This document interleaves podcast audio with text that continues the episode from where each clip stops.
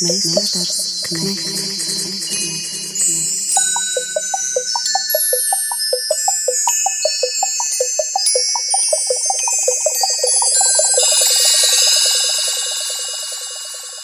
Meistars Knechts. Labdien, klausītāji! Ar jums kopā nākamo stundu būs Orests Silabriedis un Māra Rozenberga, un mūsu šī mēneša raidījuma sarunas tēma ir Eiropas kultūras galvaspilsēta. Jā, ir pagājuši jau astoņi gadi, kopš šajā statusā bija Rīga, un nu pat ir pienācis brīdis, kad uzzināsim, kura no Latvijas pilsētām stafetes kārtībā šo statusu pārņems nākamā, un tas būs 2027. gadā. Savu kandidatūru sākotnēji pieteica deviņas pilsētas. Cēsis, Daugavpils, Jelgava, Jēkabpils, Jūrmala, Kuldīga, Liepāja, Ogre un Valmiera. Finālam žūrija izvirzīja četras - Daugavpili, Jūrmalu, Liepāju un Valmieru, bet galu galā sacenšas tikai trīs, jo Jūrmala no spēles izstājās. Kāpēc tā? Arī tas būs viens no mūsu sarunas jautājumiem. Uzklausīsim fināla trīnieka dažādos piedāvājumus Eiropas kultūras galvaspilsētas gadam. Meklēsim atbildes, kāds no visa tā ieguvums ko varam mācīties no Rīgas un arī citu pilsētu pieredzes. Vēlāk raidījumā dzirdēsiet Rīgas komandas pārstāvi un vairāku žūriju eksperti Aivu Rozenbergu, kā arī Agnes Miltiņu no Jūrmalas. Bet cauri visam raidījumam mūsu sarunas biedri šoreiz attālinātā formātā būs trīs finālistu māksliniecisko programmu vadītāji Baiba Bartkeviča Liepājā. Māris Čačka Daugopilī un Reinis Suhānovs Valmierā.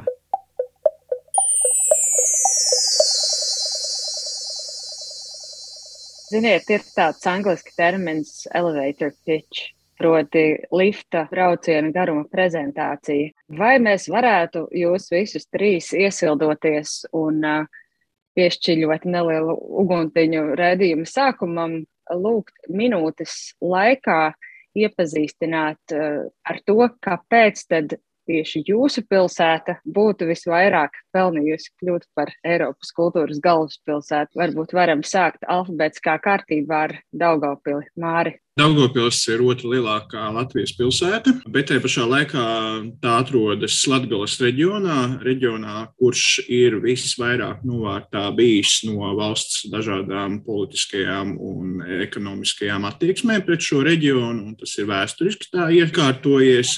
Un e, kultūras galvaspilsētas statusa piešķiršana tas būtu liels stimuls un atspēriena punkts, lai tās lietas, kuras pamazām attīstās un virzās, lai Daugopils būtu Eiropas kultūras sastāvdaļa, telpa un tāpat visa Latgala līdzās. 27.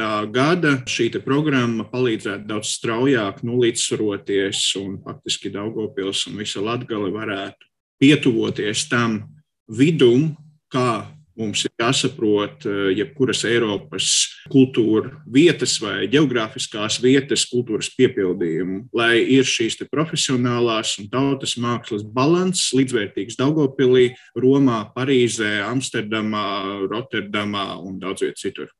Paldies, minūte 12 ideāls garums braucienam liftā, Liepāja ir otrā. Nerunājot par Latvijas kontekstu, vispār Liepāja kā tāda ir ļoti daudz ko piedāvāt. Liepājai ir ļoti daudzi, var teikt, e, puzla gabaliņi, kuri prasās salikt kopā un iebūstot, lai šī pilsēta būtu spēcīga, attīstīta, kultūrāla, iekļaujoša, eiropeiska pilsēta jā, mēs domājam, ka Liepājā tiešām visi dotie lielumi, lai mēs varētu sevi spēcīgi gan parādīt, gan pastāstīt, jo mums ir arī ļoti interesanta vēsture, daudzslāņaina. Arī visi stāsti nav izstāstīti. Tātad mūsu piedāvājums Eiropai būtu ārkārtīgi interesants, un mums pašiem ir vēl daudz ko mācīties. Mēs neesam vēl tur, kur mēs gribētu būt. Tā kā šis Eiropas kultūras galvaspilsētas tituls būtu liels stimuls mūsu pilsētas izaugsmē un daudzos aspektos. Paldies! Minūte 15. arī ļoti labs brauciens Reini. Tava kārta, Valmiera. Mēs uh, iesākām un pieteicāmies šajā konkursā kā pilsēta ar vismazākajām iespējām uzvarēt. Ar to saprotot arī to, teiksim, sabiedrības vērtējumu un arī lielu daļu kultūras sabiedrības vērtējumu, ka vai tad Valmierā ir kultūra. Un tādas pilsētas uh, kā mēs, maza, rūpnieciska pilsēta, kas nodrošina nu, kaut kādu ekonomisko pienesumu, bet kurai nav skaista vēsturiskā centra. Nu, šādām pilsētām viņas tiek parasti atstumtas šajā kultūras perifērijā. Tādēļ mēs, pamatojoties uz tām vērtībām, kas Valmierai ir nenoliedzami, piemēram, saimnieciskā kvalitāte, tikko Financial Times atzina par uh, microcity investīcijām piemērotāko pilsētu numur viens visā lielumā, un, un, un, un mēs izlēmām stāstīt stāstu par mazo lielpilsētu. Un šādas mazās pilsētas uh, mūsu uh, apjomā ar mūsu stāstiem un, un, un it kā šīs atstumtās pilsētas, nu, viņas visā Eiropā ir ārkārtīgi, ārkārtīgi daudz. Paldies! Mums ar Māru ļoti gribētos uzzināt arī, vai jūs varētu teikt, ka jūsu pilsētā ir kaut kādas izteikti vājās vietas, izteikti vājie punkti. Respektīvi, ko jūs teikt, ka var tieši šis Eiropas kultūras galvaspilsētas status mainīt kardināli? Un kādēļ mēs to jautājam? Nav jau noslēpums, ka reizēm uzvar šajā Eiropas kultūras galvaspilsētas nominācijas sacensībā tā saucamie neglītie pīlēni, jeb tie kandidāti, kuriem žūrija saskata nevis vis tādu augstāko izejas punktu, tā teikt, smukās pilsētas, bet vislielāko potenciālu, kur izaugt. Tad jūsu pilsētas vājās puses, kuras Eiropas kultūras galvaspilsētas gads varētu uzlabot un salabot. Valmieras gadījumā tas ir stāsts par nu, to totālo pārbūvi, un arī mūsu nu, programmā tas mums ir liela daļa no kultūras institūcijām, kas ir jārada pilnīgi no jauna. Ja, teiksim, Valmierai ir teātra nozarē lielas un, un, un spēcīgas tradīcijas un tradicionālās kultūras mūzikā ir, ir, ir, ir vēsturiski momenti un, un notikumi, bet tāda, teiksim, valstiskā kultūra ir tikai atsevišķos šajos sektoros, tad šī ir iespēja to būvēt. Un, un viens no tiem darbiem, piemēram, ir vizuālā māksla, vizuālās mākslas nozare. Tur ir tie mūsu iesāktie darbi vienā Valmieras pašā centrā, vienā vecā katlmājā, Uh, kur Valmjerā mums nav kultūras tādas uh, vietas, kas būtu piemērotas uh, laikmatīgās kultūras sinerģijai. Nu, tad mums tas jārada no nulles. Un šī programma un šis konkurss jau, jau ir pagrūdis šajā virzienā. Un, protams, ka iespēja to darīt, ja mums būtu iespēja vinnēt, tad uh, tas vienkārši varētu notikt daudz lielākā jaudā. Varbūt Liepāja var atkal pa vidu būt taiba. Mums ir tā, ka lielākā problēma, varētu teikt, liepājai paši liepainieki, jo, vai arī šis pašpietiekamais gars, gars, tā mēs to saskatām. Mēs esam tāda, e, var teikt, e, pašpietiekama republika, tālu no visa mūsu mentālajā kartē un arī varbūt Latvijas mentālajā kartē. Un tas mums patiesībā stāv ceļā. Tas ir jautājums par identitāti, vai tas ir kaut kas fiksts un, un, un, un, iekonservēts, vai tomēr tas ir kaut kas plūstošs. Ja? Mums ļoti trūks tomēr Eiropas eh, sadarbības un dažādu veidu sadarbības arī starp institūcijām šeit uz vietas, ja? starp māksliniekiem, eh, starpdisciplināras sadarbības, bet arī ar Eiropas partneriem, kolēģiem, draugiem. Tātad tas ir sadarbību veidošana, atvērtība, iekļaujošāka vide, arī degradēto rajonu decentralizācija, aktivizēšana. Ja, piemēram, mums ir šis interesantais karostes rajons, tāpat arī mēs gribam eh, seno eh, industriālo mantojumu, metālurgu teritoriju vitalizēt, humanitizēt, ja, ar mākslu, ar dabas klātbūtni atdzīvināt. Vārdu sakot, decentralizēt pilsētu, ieiet apkaimēs, saliedēt kopienas. Tie būtu tādi virsmēķi arī plusiem mums liels punkts ir Baltijas jūras glābšana, ekoloģijas jautājumi, jā, jo, kā mēs zinām, Baltijas jūra ir viena no netīrākām eh, pasaulē. Un, un, un Pievērsīsimies ekoloģijas jautājumiem, ilgtermiņam, saimniekošanas pārskatīšanai, pārtēriņa mazināšanai. Jā, viss šīs eh, gan, eh, var teikt, lokālās, bet arī globālās problēmas jā, ceļam augšā mūsu programmā. Māri, Daugavpils. Nu, mūsu problēma ir arī savā ziņā tā izpratne reģionālā kontekstā un jēdzieniskā izpratne, domājošā, darbojošā izpratne. Nevelti mēs esam izvēlējušies šī, šo devīzi lingua franca, jeb kopīga valoda, meklēt, radīt, runāt. Mēs dzīvojam reģionā, kurš ir bagāts, kultūrāli bagāts ar dažādu šo mantojumu, ar dažādu arī valodas mantojumu un, ar dažādu pieredžu mantojumu. Bet ir atsevišķi momenti, kad kopīgo Eiropas vērtību dimensiju skalā mēs vienu un otru šo lietu izprotam citādāk, dažādāk. Mums trūkst eh, empātijas, mēs kaut ko pārvērtējam vai nenovērtējam. Un eh, šīs programmas ceļš ir strādāt visiem kopā, plecu pie pleca, jaunajiem sadarbojoties ar vecajiem, senioriem, dažādām kopienām apvienojoties un man, daloties ar mantojumu, izmantojot arī digitālos iespējamos mūsdienu rīkus, lai jaunatni arī piesaistītu šīm mantojuma vērtībām.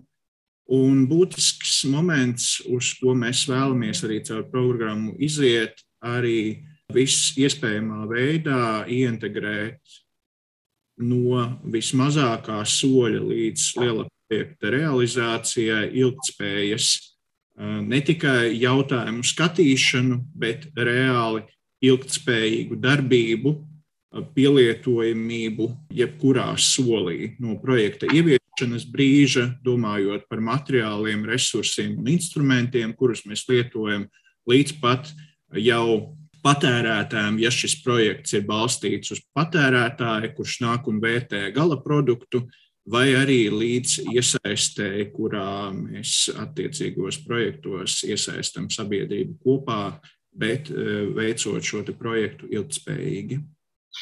Vai jūs varētu ļoti īsi raksturot, kādas ir pašvaldības eh, intereses, kāda ir pašvaldības degšana par šo, cik ļoti jūs varat paļauties to, ka pašvaldība ir pilnīgi vienā solī ar jums, vienās domās ar jums? Par mūsu pašvaldības tiešām varētu apgalvot, ka mēs visi esam vienā laivā. Mēs to visi redzam tiešām vienotā, ka šis pilsētai varētu būt tāds eh, izaugsmes lēciens. Māri? Varbūt tās mums sarežģītāks posms bija pirmās kārtas sagatavošanas laikā, kad mēs tā paši arī taustījāmies un brīžam darba grupa nevarējām saprast, kā mēs iesim uz priekšu, un beig beigās mēs veiksmīgi startējām.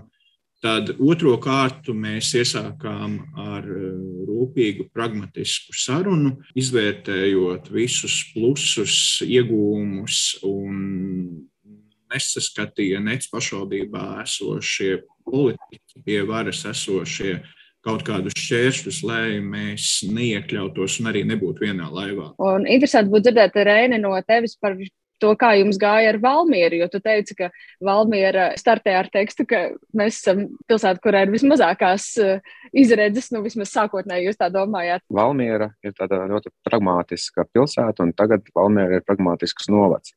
Un, teiksim, tas ir arī nu, mūsu stāsta ietvaros. Bet tas pragmatisms arī nu, slēpjas vēl arī tajā, ka tieši pilsētas uh, deputāti un doma bija tie, kur, nu, nu, kur iniciatīva nāca veidot šo Eiropas kultūras galvaspilsētas pieteikumu. Saprotot, ka Valmierā ir nu, viennozīmīgi ļoti augstais ekonomiskie rādītāji, un salīdzinoši augstas dzīves grieziens un iespējas. Tāpat tās, teiksim, sporta zonā arī Valmērē ir, ir, ir sakārtot gan šī vide, gan infrastruktūra un tāpat arī uzņēmējdarbības vide un infrastruktūra, tad uh, ir, ir tikai loģiski, ka pilsētas uh, doma un deputāti tajā brīdī pilsēta nolēma, ka ir jāspēr šis solis un jāpilnveido kultūras domāšana, kultūras dzīve, tāpēc tika vispār iesākt šī iniciatīva. Šo procesu virza un, un uztur pie kārtības tieši politiskie cilvēki, tas ir tas nu, lielais balsts, kas mums ir uh, patiesībā nevis balsts, bet nu, tas kuģis, kas mūs uzņemš, lai lūdzu, kurš stūrējam tajā virzienā.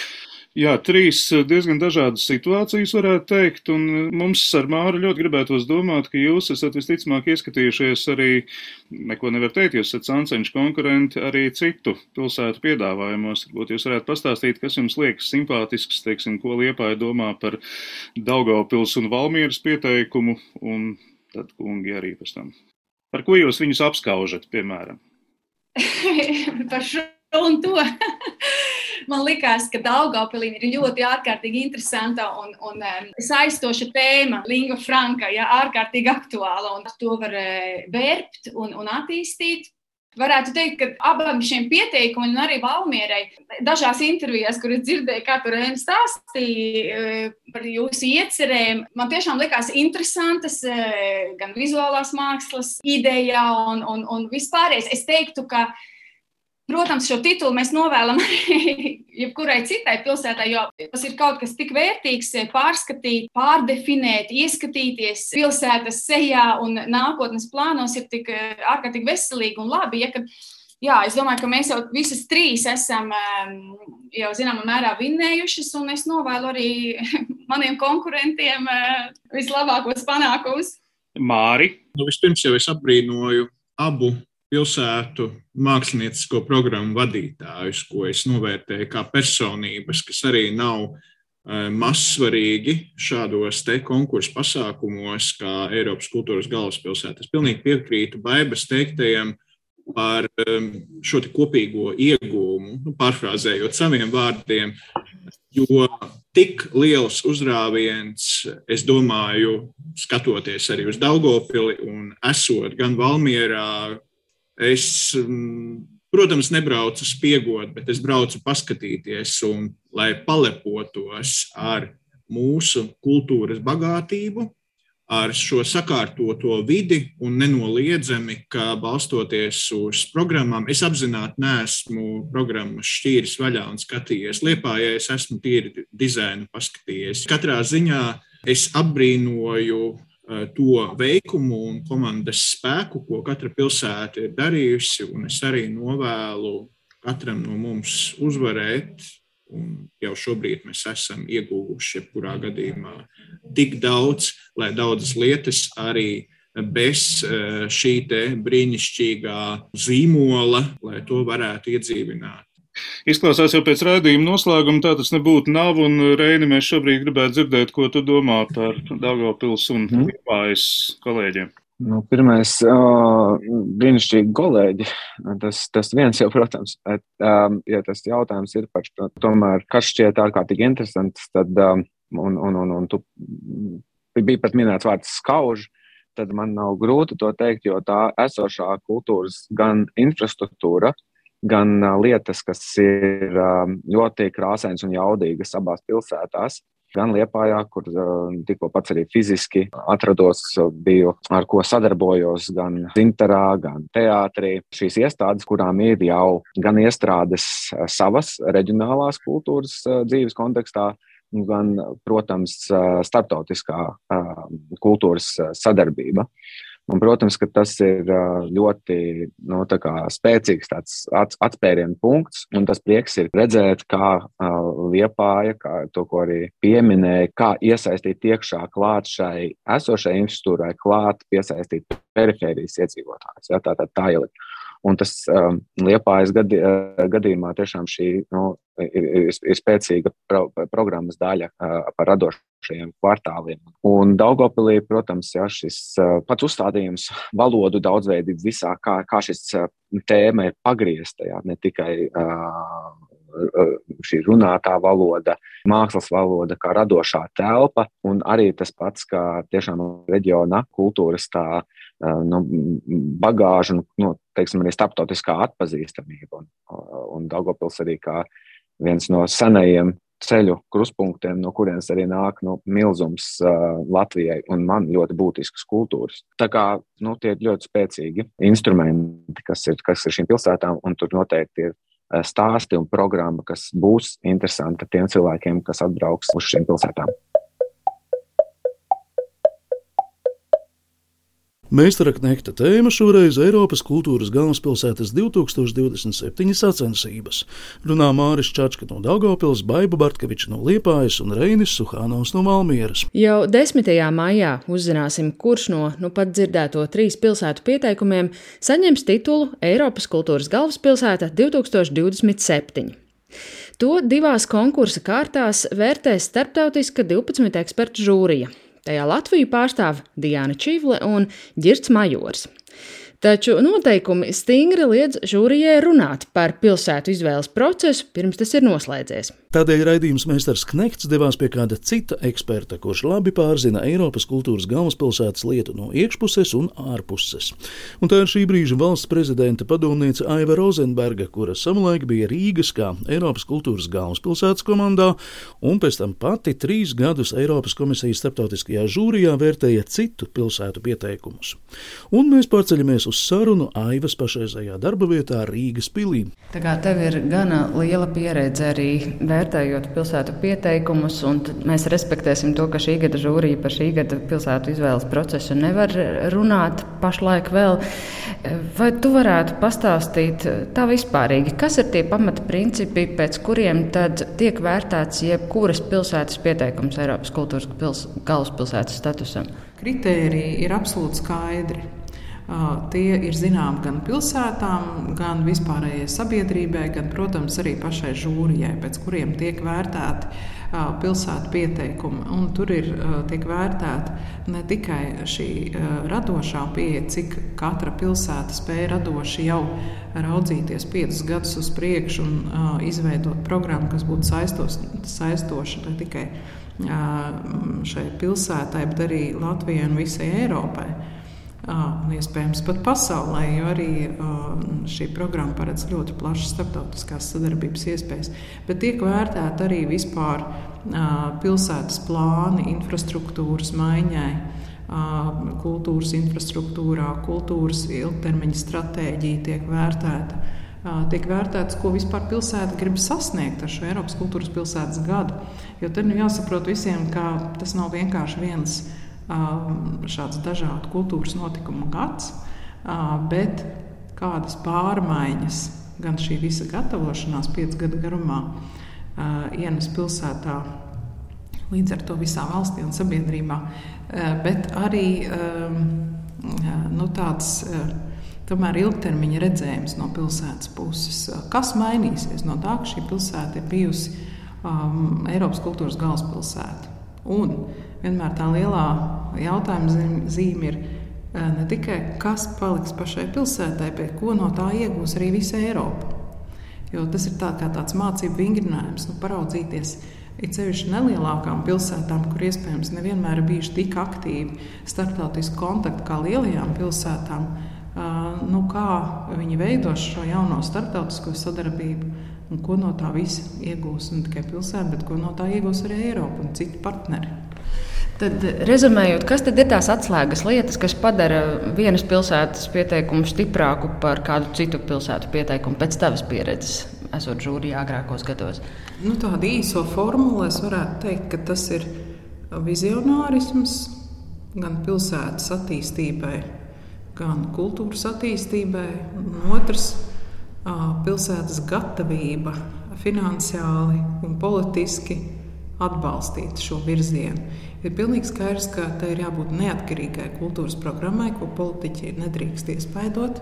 Tas ir viens no priekšnoteikumiem arī uh, programmas vērtēšanā, bet no otras puses pilsētai ir jābūt absolūti gatavai uh, šo programmu gan finansēt kopā ar valsti un citiem Eiropas fondiem, uh, gan arī būt šo pārmaiņu aktīviem dalībniekiem un vadītājiem runāja Aiva Rozenberga. Viņu vēl dzirdēsim arī mazliet vēlāk, un nu atgriežamies pie trim attālinātajiem sarunbiedriem. Jautājums, kā iesaistīt pilsētniekus, kā dabūt viņus savā pusē. Dosim vārdu Mārim Čačkam no Daugopils un Baibai Bartkevičai no Liepājas, bet sāks Valmieras pārstāvis Reinis Suhānovs. Es ar mieru iesākt, jo man šķiet, ka tā svarīgā sadaļa vienmēr ir, um, ir sabiedrības aktīvā daļa, un ir tā pasīvā, ja, kur ir runāja par to perifēro sadaļu, kur ir jāiesaist, kur ir jā, jāierunā. Mūsu gadījumā mēs ļoti runājam par to sadaļu, kas ir sabiedrības daļa, kas ir patiesībā aktīva, kas varētu būt vēl aktīvāka. Un kaut kādā ziņā mūsu uzstādījums par šo mazo lielpilsētu ir tas piedāvājums vispār nākotnes dzīvesveidam. Ja mēs par ekoloģiju un pēc pandēmijas un pēc arī, nu jau arī jāsaka, pēc kara Eiropu, nu, tas tāds uh, mūsu redzējumā Valmērē ir labs izmērs, kur sas, saskarās iespēja iegūt uh, izglītību līdz augstākai izglītībai, vidzemes augstskolu, Eiropas mikrouniversitāšu tīkls un, un, un tur darba lietas. Bet šeit dzīvojušiem cilvēkiem ir nepieciešams tas, ko pieminēja arī augstāk ja, Eiropas dimensija, tādā ziņā, ka tīri arī nebūtu pašpietiekamiem, būt pietiekami uh, lepni, lai strādātu un veidot programmu ar saviem cilvēkiem, bet nebūt ja, kā to sauc, iedomīgiem un ir jāprasa šī palīdzība. Un tad šajā procesā patiesībā tas lielākais ieguvums ir bijis aktīvajiem valmieriešiem, kuri no teiksim, do, domas dažādos kultūras departamentos strādājuši cilvēki ir izveidojuši reālus sadarbības tīklus un, teiksim, izveidojuši laikmatīgā cirka festivālu, kuram jau ir teiksim, partneri. Tā ir tāda vesels šī iespēja piedalīties otrajā kārtā, kas patiesībā ir nu, milzīga iespēja. To es domāju, ka kurš, kas ir gājis šim cauri, pat nu, teiks arī citi, viņi iedod to tiešām grūdienu šai, šai, šai plašajai sabiedrībai, šai domāšanai, runāšanai pēc būtības Eiropas plašumā un, un kontekstā. Mūsu programmas gadījumā tā tika izvirzīta vispār tāda vairāki virzieni. Uh, kuros domāt, iemest šis, kā to sauc, akmentiņš, lai, lai, lai, lai vispār jāstrādā pie programmas. Un tad šie cilvēki nāca un vāca savas grupas un darbojās. Un tātad no tās pilsētas iekšienes un no pilsētas tā resursa izveidojās nu, tie nosacīti kuratori, kuri tad jau meklē tālāk šīs piesaistot, un, un arī manā, kā to sauc, uzdevums bija jā, palīdzēt saprast, kurā brīdī mēs meklējam, uz, uz kāda starptautiska līmeņa sadarbības partneris, jā, lai šie notikumi sāktu kļūt arī smagi pēc tādas jaudas ziņas. Es varētu piebilst to, kādā veidā mēs strādājam. Mums ir ļoti spēcīgas kultūras institūcijas, lielais dzintars, teātris. Ja? Mēs šo jautājumu, kā paplašināt auditoriju, sapratām, ka mums ir jāiet ārā no šīm kultūra iestādēm. Mums jāiet jānes koncertu ārā, pilsētvidē, kopienās, e, apkaimēs, dažādās vietās. Tā bija tāda metode un stratēģija, kādā veidā mēs varam paplašināt savu auditoriju. Un, piemēram, teātris plāno veidot tādu atvērtā teātra kvartālu ar imersīvo kopienu teātri. Ja?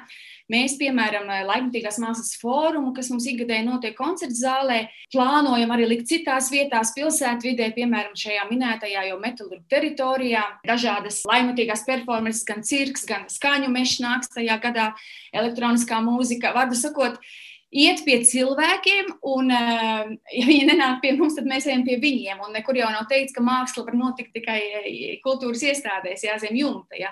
Plus arī decentralizēt, jo mēs sapratām, ka, piemēram, karostas iedzīvotājs varbūt pat nav ticis pāri tiltam, kur nu vēl līdz eh, koncertzālē. Ja. Un, un mums ir tāda programma, kas saucas Karosta radosta, no karostas uz radostu. Ja, tātad tādu radošo ostu veidot. Un e, mums jau tur ir karostas festivāls, ko mēs arī domājam iesaistīt e, karostas aktīvistus, e, kultūru mīļus un entuziastus arī plašāk paplašināt. Mums ir tur karostā ūdens tornis, kas jau ir tagad jau iesācis tādu rezidenču ciklu vizuāliem māksliniekiem. To mēs gribam stiprināt un attīstīt. Tātad mūsu tāds, jā, viens no tādiem virsuzdevumiem ir decentralizēties, iet apkaimēs, kopienās, veidot kultūras centrus, eh, vietas, kur tikties eh, dažādām mākslinieckām aktivitātēm, kultūras notikumiem.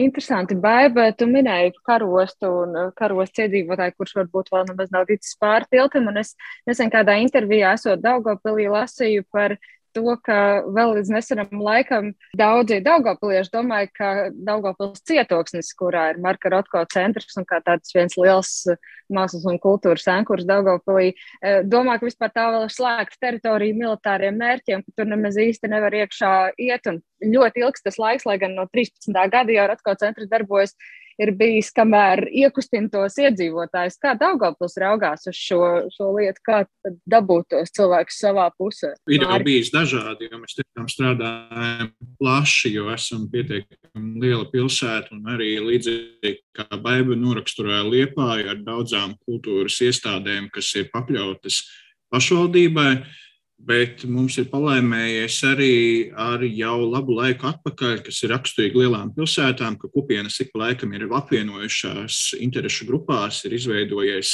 diezgan spēcīgs NVO sektors, kas vienas vai otras eh, kultūras, un ne tikai kultūras intereses, spēj vistiešākā veidā ar līdzās kopienā vai, vai kaut kādā konkrētajā apkaimē dzīvojošiem cilvēkiem realizēt un, un šo sapņus caur maziem projektiņiem un lielākiem projektiem realizēt un ieviest dzīvē. Nav noslēpums, ka mūsu geogrāfiskajos platuma grādos mēs esam gana introverti un mēs esam tāda patērētāja kultūra bijusi visos laikos. Un, ja aicina diskusijā uzstāties, runāt, izteikt viedokli, mēs varam atrast ļoti daudz vēsturisku šos piemērus, ka cilvēks tomēr Ja viņam pasaka, vai jums ir jautājumi, viņš tomēr izvēlas paklusēt un paklausīties un gaida uz kādu, ja kāds cits uzdos manā vietā šo jautājumu. Un šos momentus mēs gan tagad esam ņēmuši vērā, bet eh, pilsēta un Latvijas reģions caur savu tādu latviešu spītu varbūt tās ir mācījies un, un to ieviesis jau praktiski arī dzīvē laiciņu atpakaļ, mēģināt iziet no tā burbuļa, kurā mēs dzīvojam. Nu, lai nav tā, ka pasākumu organizētāji un pasākumu patērētāji ir vieni un tie paši. Un tad, veidojot otrās kārtas īpašu pieteikumu, bet arī pirmās kārtas pieteikumu, mēs izmantojām uh, Britu padomes šo pilsētu spēļu formulu, uh, kuru mēs veiksmīgi laidām tautās un ar to dalījāmies. Bija prieks, ka pies, piesaistījās vis, visi iespējamie Latvijas reģioni un vienā no ilgtspējas tēmām pat no Valmieras un Cēsu novada bija gandrīz puse no visiem pāri par simts eh, šiem Zoom dalībniekiem pilsētas spēlē, kur vērtīgas lietas tika izlolotas un, un, un izskatītas. Kā ir, ir daudzas lietas, kuras jau sabiedrība tomēr caur šo nevalstisko sektoru, manuprāt, spēja ātrāk iedzīvināt, neklauvējot pie pašvaldības, neklauvējot pie valsts institūcijām, jo valsts institūcijas ir vēl tālāk par pašvaldību. Un tas uh, iekustinātais kuģītis, viņš um, dabiski kustās Jo cilvēks, iesākot un realizējot veiksmīgu mazu projektu, viņš redz, ka viņš nākamajā līmenī var veidot kaut ko lielu. Un šī programma, kuru mēs veidojām, atkal uzrunājot šos aktīvākos, bet viņi savukārt uzrunāja nākamās tīmekļa daļas, kas varētu piesaistīties un pieaicinot klāt arī mūsu potenciālos sadarbības partnerus visdažādākajās pasaules valstīs tam projektam uzreiz pievienotā vērtība sāk šķist eh, sabiedrībai vēl interesantāka, vēl aizraujošāka. Reinis jau varbūt var. Jā, jā. Nē, es eh, vienkārši tā kā tur, tur rosināju gribēju, ka sa, eh, sabiedrības sadaļa, kā es minēju, teiksim, tas mūsu, tas valmērs cilvēks ir pamatā šis um, aktīvais un tiešām arī šis saimnieciskais gēns ir, ir ļoti liels, tad, protams, kā Valmijas uzņēmēju iesaistīšana mūsu kultūras programmā bija viens no tādiem centrāliem uzdevumiem. Tā iniciatīva, kas tur veidojas, savukārt ir nu, ārkārtīgi interesanti, kas iespējams varētu iedot arī kaut kādu pienesumu tādā vispār kopējā Latvijas uzņēmēju darbībai. Tad tā, tā, tā viena no mūsu iniciatīvām ir veidot tādu kā rūpnieciskā dizaina centru Rūpnieciskā dizaina muzeja. Un, nu, mums pašiem teiksim, tas, tas Valmieras rūpnieciskais stāsts jau ir pietiekami iespaidīgs ar vēsturi. Un, protams, ka Latvijas kontekstā ir salasām vēl, vēl, vēl lielas lietas. Ja? Bet, protams, ka Valmieras uzņēmējs arī pacēlās kaut kādā ziņā šī vēlme to savu sāstu pastāstīt, tāds lepnums. Ja, jo tās nav tikai teiksim, mūsu populārākie uh, produkti, sauksim to tā, ja šie benzīna kannas, kas ir kultūras uh, produkcija, Rāmsteina koncertos vai, vai modes somas, un tajā pašā laikā tas ir ja, gluži vienkārši saimniecisks rīks, kur NATO liek degvielu. Vai arī nu, stikla šķiedras um, izstrādājums, no kuriem Zaha Hadida būvēja serpentīnu paviljonu Londonā. Uh, Respektīvi, tas, tas, tas stāsta par to, ka tā biznesa vide dzīvo un strādā globālā mērogā. Tāpēc viņiem arī ir tā interese, lai vietējā tā kultūras vide arī strādātu un darbotos globālā mērogā.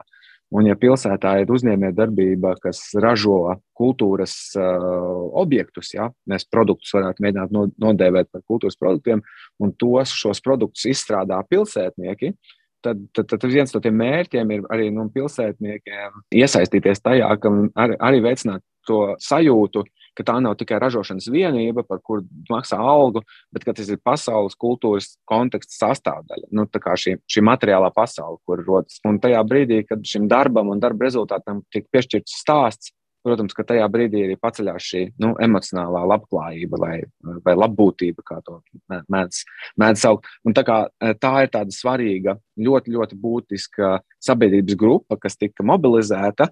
Un, un, un, un, un par to ir tāds milzīgs prieks, jo man, kā strādājot ar Romas Vasaras teātras festivālu, ir bijusi tā iespēja nu, sešus gadus kurbulēt, būt nemitīgās attiecībās ar, jo mums festivāls, teiksim, notiek dažādās vietās, tās ir citu saimnieku mājas, ja, kā, teiksim, tieši to, ko minēja, kad iet ārā no šīm kultūras institūcijām, ja, tad mēs nonākam visu laiku pie šiem uzņēmējiem, un, un, un viņi ir tādā ziņā mobilizēti. Rēni, tu minēji arī vienu citu būtisku lietu, Eiropas dimensiju, Māra, vai no sarunas ar Aivu tev izdevās pašai saprast, kas īsti ir šī Eiropas dimensija, par kuru, cik noprotams, piemēram, Rīgas mm, konkursu uzvarētāji toreiz pirms gadiem, kad kad Rīga bija kultūras galvaspilsēta, nemaz tā īsti nesaprata, kas tas ir, un ar to jēdzienu apgājās intuitīvi. Tas jautājums par Eiropas um, aspektu ir viens no tiem, kas man piesaistīja uzmanību, lasot pirmā posma izvērtējumu šā gada Eiropas kultūras galvaspilsētu izvērtēšanas procesā, proti, kur tiek vērtītas Latvijas pilsētas, un tur bija pirmajā posmā kandidēja vēl arī Jelgava, Jēkabpils, Ogre, um, Cēsis, Kuldīga, kas netika tālāk, un arī tās pilsētas, kas tika tālāk, bieži vien žūrijas izvērtējumā parādījās tāda norāde, ka nav pietiekami attīstīta Eiropas dimensija vai ka vajadzētu paplašināt šo Eiropas dimensiju. Ko tas īsti nozīmē? Noteikti šī gada kandidāti Latvijā un arī gadus piecus, un varbūt septiņus iepriekš, varbūt jau laimīgi, jo Starptautiskā komisija ir precizējusi, ko nozīmē šie maģiskie vārdi Eiropas dimensija. Es atceros, ka Rīga kandidēja tas patiesi mums bija liels jautājums, jo šķiet, ka uz to var raudzīties dažādi. Un tad mēs sapratām, ka mēs vienkārši sniegsim savu interpretāciju. Arī Rīgai pēc pirmās kārtas tolaik bija tāds ieteikums, ka vajadzētu stiprināt šo Eiropas dimensiju programmā. Un tad mēs paši sev uzdevām jautājumu, kas tas varētu būt, un atbildējām, kā saka, vairākos veidos. Tolaik izvērtām starptautisko sadarbības tīklu senais dzintarceļš. Nu, mēs zinām vēsturiski, ka aizlaikos tirsniecības ceļš, viens, kas savienoja šo Eiropas daļu ar Dienvidu Eiropu, bija dzintara ceļš. Un mēs domājam, ka jāielūkojas šodienas realitātē, kā tad mēs šodien varētu savus sakars veidot starp šiem ziemeļiem un dienvidiem, nosacīt runājot. Un, tomēr mēs redzējām, kā ar Grieķiju vai Rumāniju, kas tur pa ceļam bija šajā ziemeļceļā, un arī Ukrainu dzintara ceļā, ka uh, tur ir iespējams milzīgs potenciāls kaut kādiem šodienas sakaru veidošanai. Lūk, tas reizē bija atgādināts mums pašiem savu kultūru vēsturi, kas mūs saista Eiropā ar, ar, ar citām tautām, un meklēt tos šodienas sadarbības aspektus. Mums bija vairāki projekti, piemēram, ar citu valstu komponistiem, sadarbībā ar mūsu mūziķiem tapa projekts par dzimteni ceļu, un tur bija daudz un dažādi citi projekti. Un tas nozīmē, ka mēs stiprinājām to mūsdienu Eiropas kultūras sadarbību. Un tiešām es domāju, daudzi kontakti, kas tad iesākās, pēc tam izvērtās citos jau projektos un citās sadarbībās, kas ir, ir viens, viens no mērķiem šajā kultūras galvaspilsētā, lai uh, valsts tuvāk sadarbotos, lai veidotos jauni projekti, jauna sadarbība, miedarbība. Un tā tālāk. Otru atbildi mēs sniedzām tādu, ka mums ir slaveni Eiropieši, kas Rīgā šeit ir dzīvojuši, un uh, kur vārdus mēs varam, ap kuru vārdiem veidot šo uh, starptautiskos uh, kultūras projektus. Un viens bija Vāgners, protams, un vēl daudz citi. Un, un tas bija arī tāds aspekts, kā katra pilsēta. Mēs dzimuši Rīgā lielo tā, koncertu. Jā. Tieši tā, ir iespējams daudz šīs atbildes katrai pilsētai sniegt, kā viņi to redz. Mm. Bet tagad tas ir daudzos pētījumos, daudz plašāk aprakstīts, kā pilsētas var izvērst šo kultūras aspektu. Tā runā Aiva Rozenberga, un nu par Eiropas dimensiju jautāsim kandidātu pilsētu mākslinieckās programmas vadītājiem. Sāks Baiva Bartkeviča. Mums jau sākotnējs uzstādījums ir, ja Liepāja kļūst par Eiropas kultūras galvaspilsētu, tai jābūt ir saistošai un, un e, jēgpilnai ne tikai Liepājas iedzīvotājiem vai Latvijas, bet arī Eiropas, lai jebkurš cilvēks no Portugāles vai no no Francijas e, izjustu un būtu um, tieši uzrunāts ka Liepāja ir arī daļa no Eiropas un ka šīs tēmas, kas tiek celtas, ir saistošas arī jebkuram citam Eiropas iedzīvotājiem. Protams, e, programmas nozīmīga daļa ir dalīties ar tām kultūras vērtībām, formām, tā skaitā arī laikmetīgajām formām, kas šobrīd ir unikālas priekš reģiona, priekš pilsētas un Latvijas. Un, e, paredzami arī priekš Eiropas apmeklētāju. To pierāda arī mūsu turisma eh, kāpums pēdējos astoņos gados, kas būtiski vairāk par 50% ir palielinājies pateicoties pilsētas ieguldījumam kultūras satura veidošanā, kultūras mantojuma atjaunošanā un tajā ieguldot arī cilvēku resursu.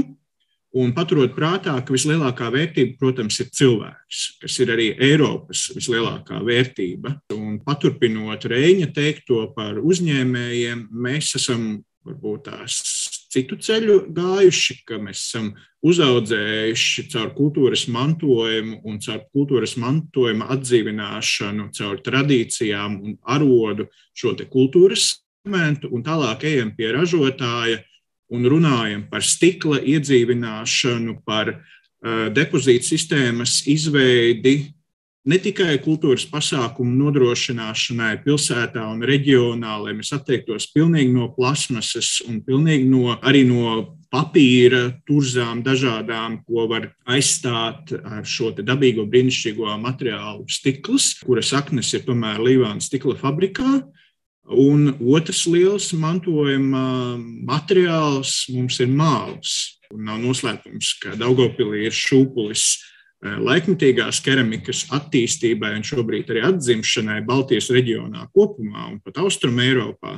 Tad eh, māls ir arī tā daļa, kas var ienākt vēl plašāk atpakaļ ne tikai caur amatnieku tirdziņiem, caur krūzītēm, ko var tikai tirgos iegūt, bet kas arī varētu būt neatņemama cita veida depozīta sistēma, šie māla trauki, māla dažādie dizaina izstrādājumi, kas ienāk un aizstāja visu vidē nedraudzīgo.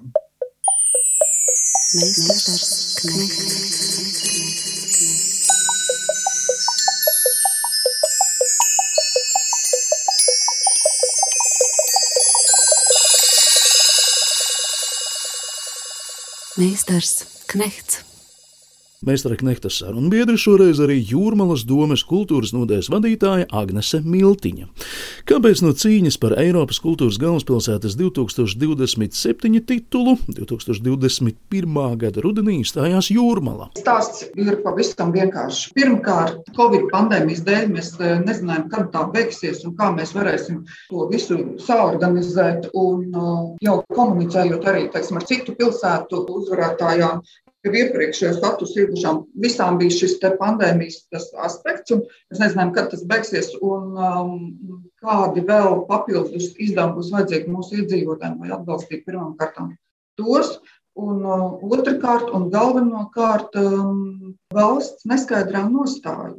Jo šajā situācijā, šajā maijā, kad ārvalstu eksperti būs salasījuši iesniegumus un apciemojuši arī šīs trīs pilsētas pašvald, uzvarētājai pašvaldībai nāksies parakstīt eh, nu, finansiālu apņemšanos par vairākiem miljoniem eiro, tā izskaitā par valsts līdzfinansējumu daļu. Jo kultūras ministrija mums vēstulē atbildēja, ka šīs valsts finansējums varētu būt skaidrs tikai 2024. gadā. Sazinoties teiksim, ar um, Portugāli, kura būs otra pilsēta ja, no, no Eiropas, tad uh, viņiem jau ir pilnīgi skaidrs, ka tie būs 25 miljoni un skaidra arī šī finansējuma izlietošanas struktūra, atšķirībā no Latvijas. Un tas, par ko mēs teikt, bijām nepatīkami pārsteigti, un arī tas viens no argumentiem, kad bija skaidrs, ka šo finansējumu nav zināms kādu, bet jau ir zināms, ka nedrīkstēs izlietot ne administratīvām izmaksām, ne arī infrastruktūrai. Tātad tikai kvalitatīvas satura nodrošināšana. Nē, nē nu, forši arī tas, bet tātad visiem jau ir, kā teikt, gaišā piemiņā Rīgas pieredze, kur būtībā no šī lielā daudzmiljonu projekta paliekoši nav pilnīgi nekas būvēts. Tā ir tā lielākā sāpe. Un To jau mēs eh, rudenī pieņemot šo lēmumu pašvaldību, jo vēl nemaz nezināju visas šīs šausmas, kas šobrīd nāk par galvu. Ar, es nemaz nerunāju par Ukraiņas situāciju, bet ar būvniecības izmaksu pieaugumu. Un mums ir uzsākti vairāki lieli būvniecības objekti, jau šobrīd pašvaldībā, kurus mēs, protams, pieteikumā minējām jau kā mūsu ieguldījumu, ka arī tur varētu notikt šīs attiecīgās gada aktivitātes, bet um, mēs jau šobrīd redzam, ka komunālo maksājumu pieaugumu, būvniecības izmaksu pieaugumu rada ļoti lielu draudu šo uzņēmušos pienākumu izpildīšanai, ja jau šobrīd. Es abrīnoju un izsaku patiesu tādu abrīnu pārējām pilsētām, Un, protams, nav noslēpums, ka Jūrmāla ļoti lielu um, summu iemaksā arī šajā izlīdzināšanas fondā, mums saistībā ar reģionālo reformu tika tas palielināts. Pie vairāk kā 12 miljonu eiro. Nu, nu, visa šī rezultātā mūsu darba grupai likās nu, mazliet dīvaini tagad iet pie deputātiem ar šo lūgumu. Turpināt piedalīties šajā konkursā, nezinot pilnīgi neko. Jūrmālas domas kultūras nodaļas vadītāja Agnese Miltiņa skaidroja, kāpēc Jūrmāla neturpināja cīņu par Eiropas kultūras galvaspilsētas 2027 titulu. Jautājām pārējiem konkursantiem, kādas ir viņu gaidas attiecībā uz valsts līdzdalību, un sāks Mārcis Čačka. Protams, vienmēr finansējums ir kaut kāds atspēriena punkts, lai kaut ko uzsākt, un ir nepieciešams garantijas, lai veidot. Bet Daugopils un Daugopils kultūras cilvēki, kas daudzviet ir bijuši pie daudzām idejām, pie to šūpuļiem, ir bijuši gan ambiciozi neparedzot, vai līdz galam būs šis finansējums vai nebūs. Iet uz mērķi, uz cēlo mērķi, mēģināt tad eh, nu, šo finansējumu sameklēt, un daudzas lietas arī nu, atsevišķos gadījumos arī varbūt izdarīt kaut kā savādāk, varbūt arī pat nesaņemot kaut kurā mirklī arī par to atalgojumu. Nu, sastādot budžetu, mēs paredzam, ka mēs eh, attiecīgo šo valsts finansējumu proporciju daļu pie uzvaras gadījuma arī eh, saņemsim pilsētas un reģionu programmas realizācijai, kā tas ir citvietā Eiropas pilsētās, kuras iegūst statusu. Es esmu gatavs paturpināt. Es domāju, ka jau tagad, protams, ka mm, pirmo reizi, kad mēs piedalījāmies, eh, Latvija piedalījās šajā konkursā, tad ja, vin, vinnēja Rīga. Un droši vien, ka tieši tas, ka šī ir mūsu lielākā pilsēta un galvaspilsēta pirmā reize. Bet nu, šajā reizē jau ir skaidrs, ka, ka, ka viena tāda pozitīva eiropeiska eh, lieta vai Eiropas dimensija būs notikusi, ka nu, nu, šī decentralizācija kaut kādā mērā notiks. Un skaidrs, ka kaut kādā mērā šis finansējums nāks.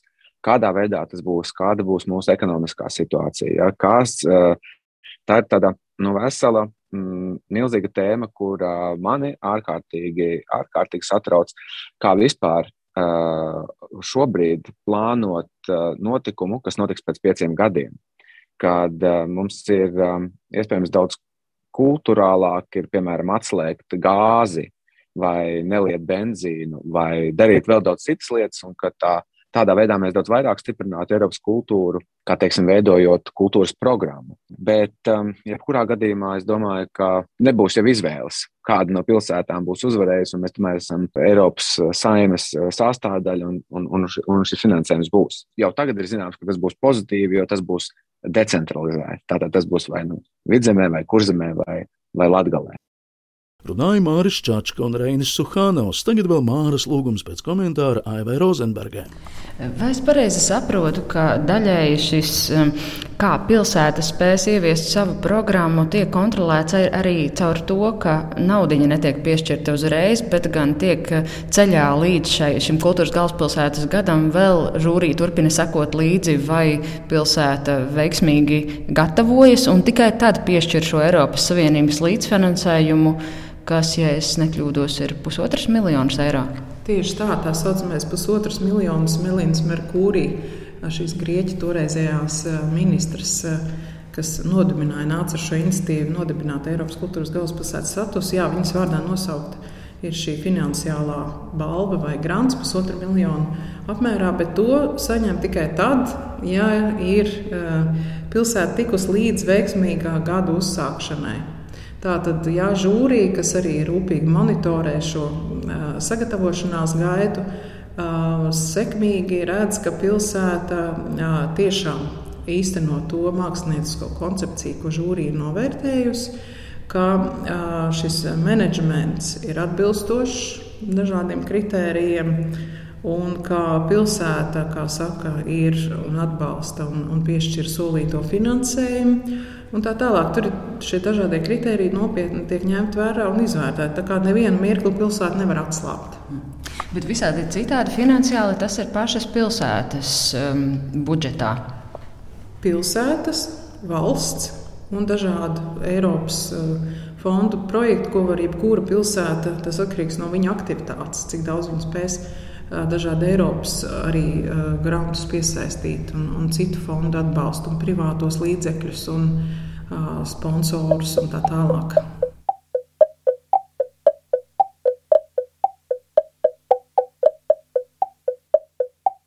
Radījums pamazām tuvojas noslēgumam, un Eiropas kultūras galvaspilsētas 2027 kandidātu pilsētu mākslinieckās programmas vadītājiem mēs vēlamies jautāt pavisam vienkārši. Vai viss šis smagais darbs, veidojot programmas un cīnoties par titulu, ir bijis pūļu vērts? Valmieras gadījumā noteikti ir bijis, eh, ir bijis vērts, un, ja bija tas jautājums, vai tas būtu bez, es domāju, ka lielā mērā, nekādā veidā tādā mērogā bez.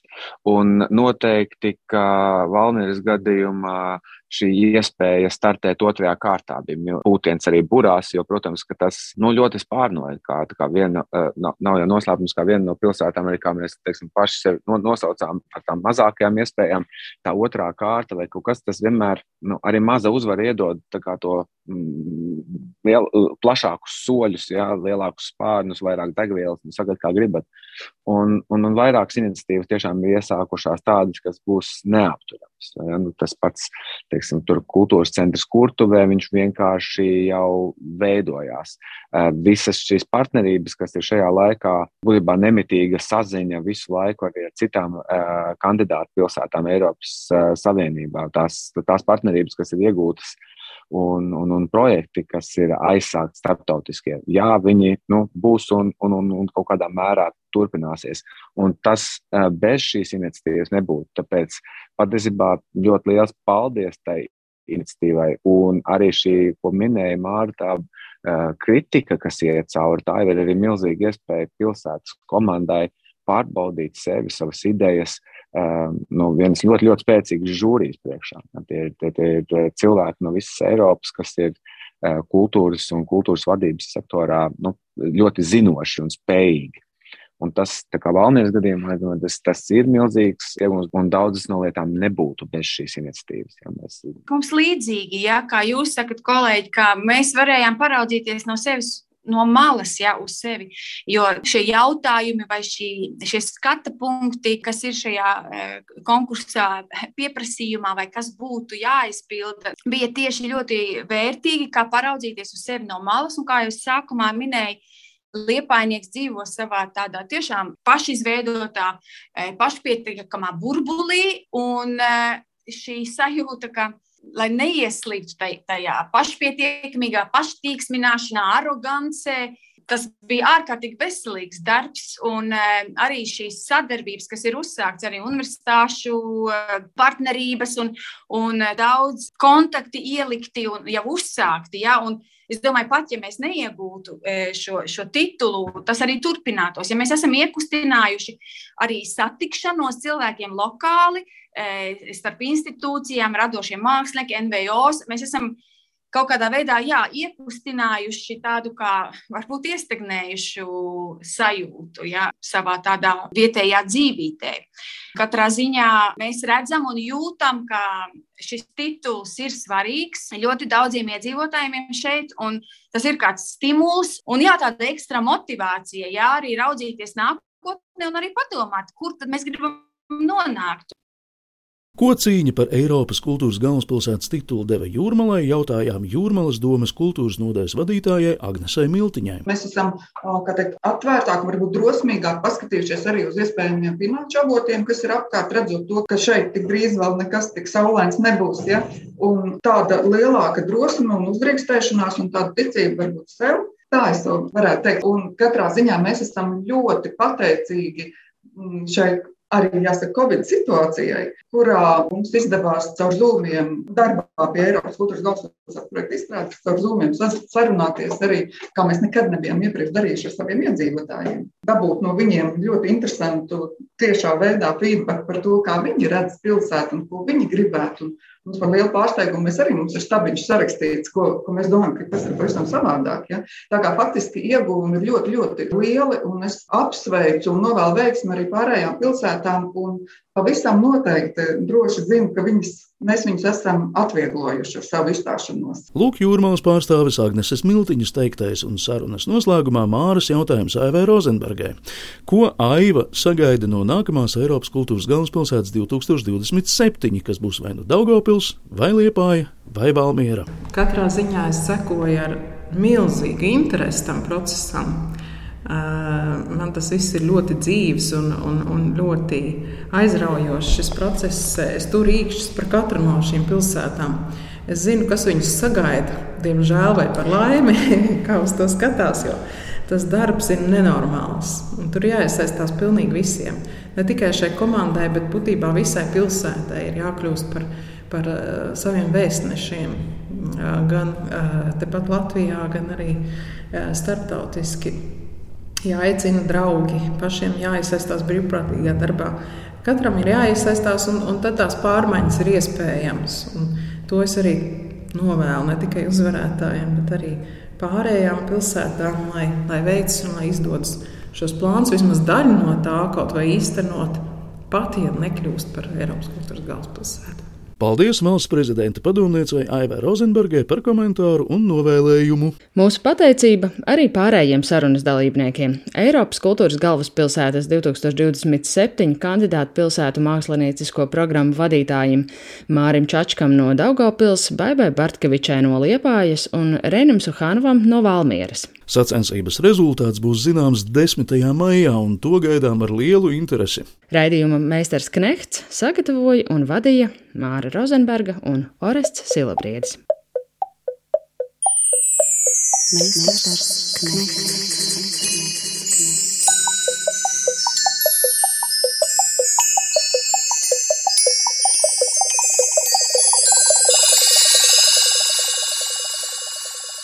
Meistars Knechts.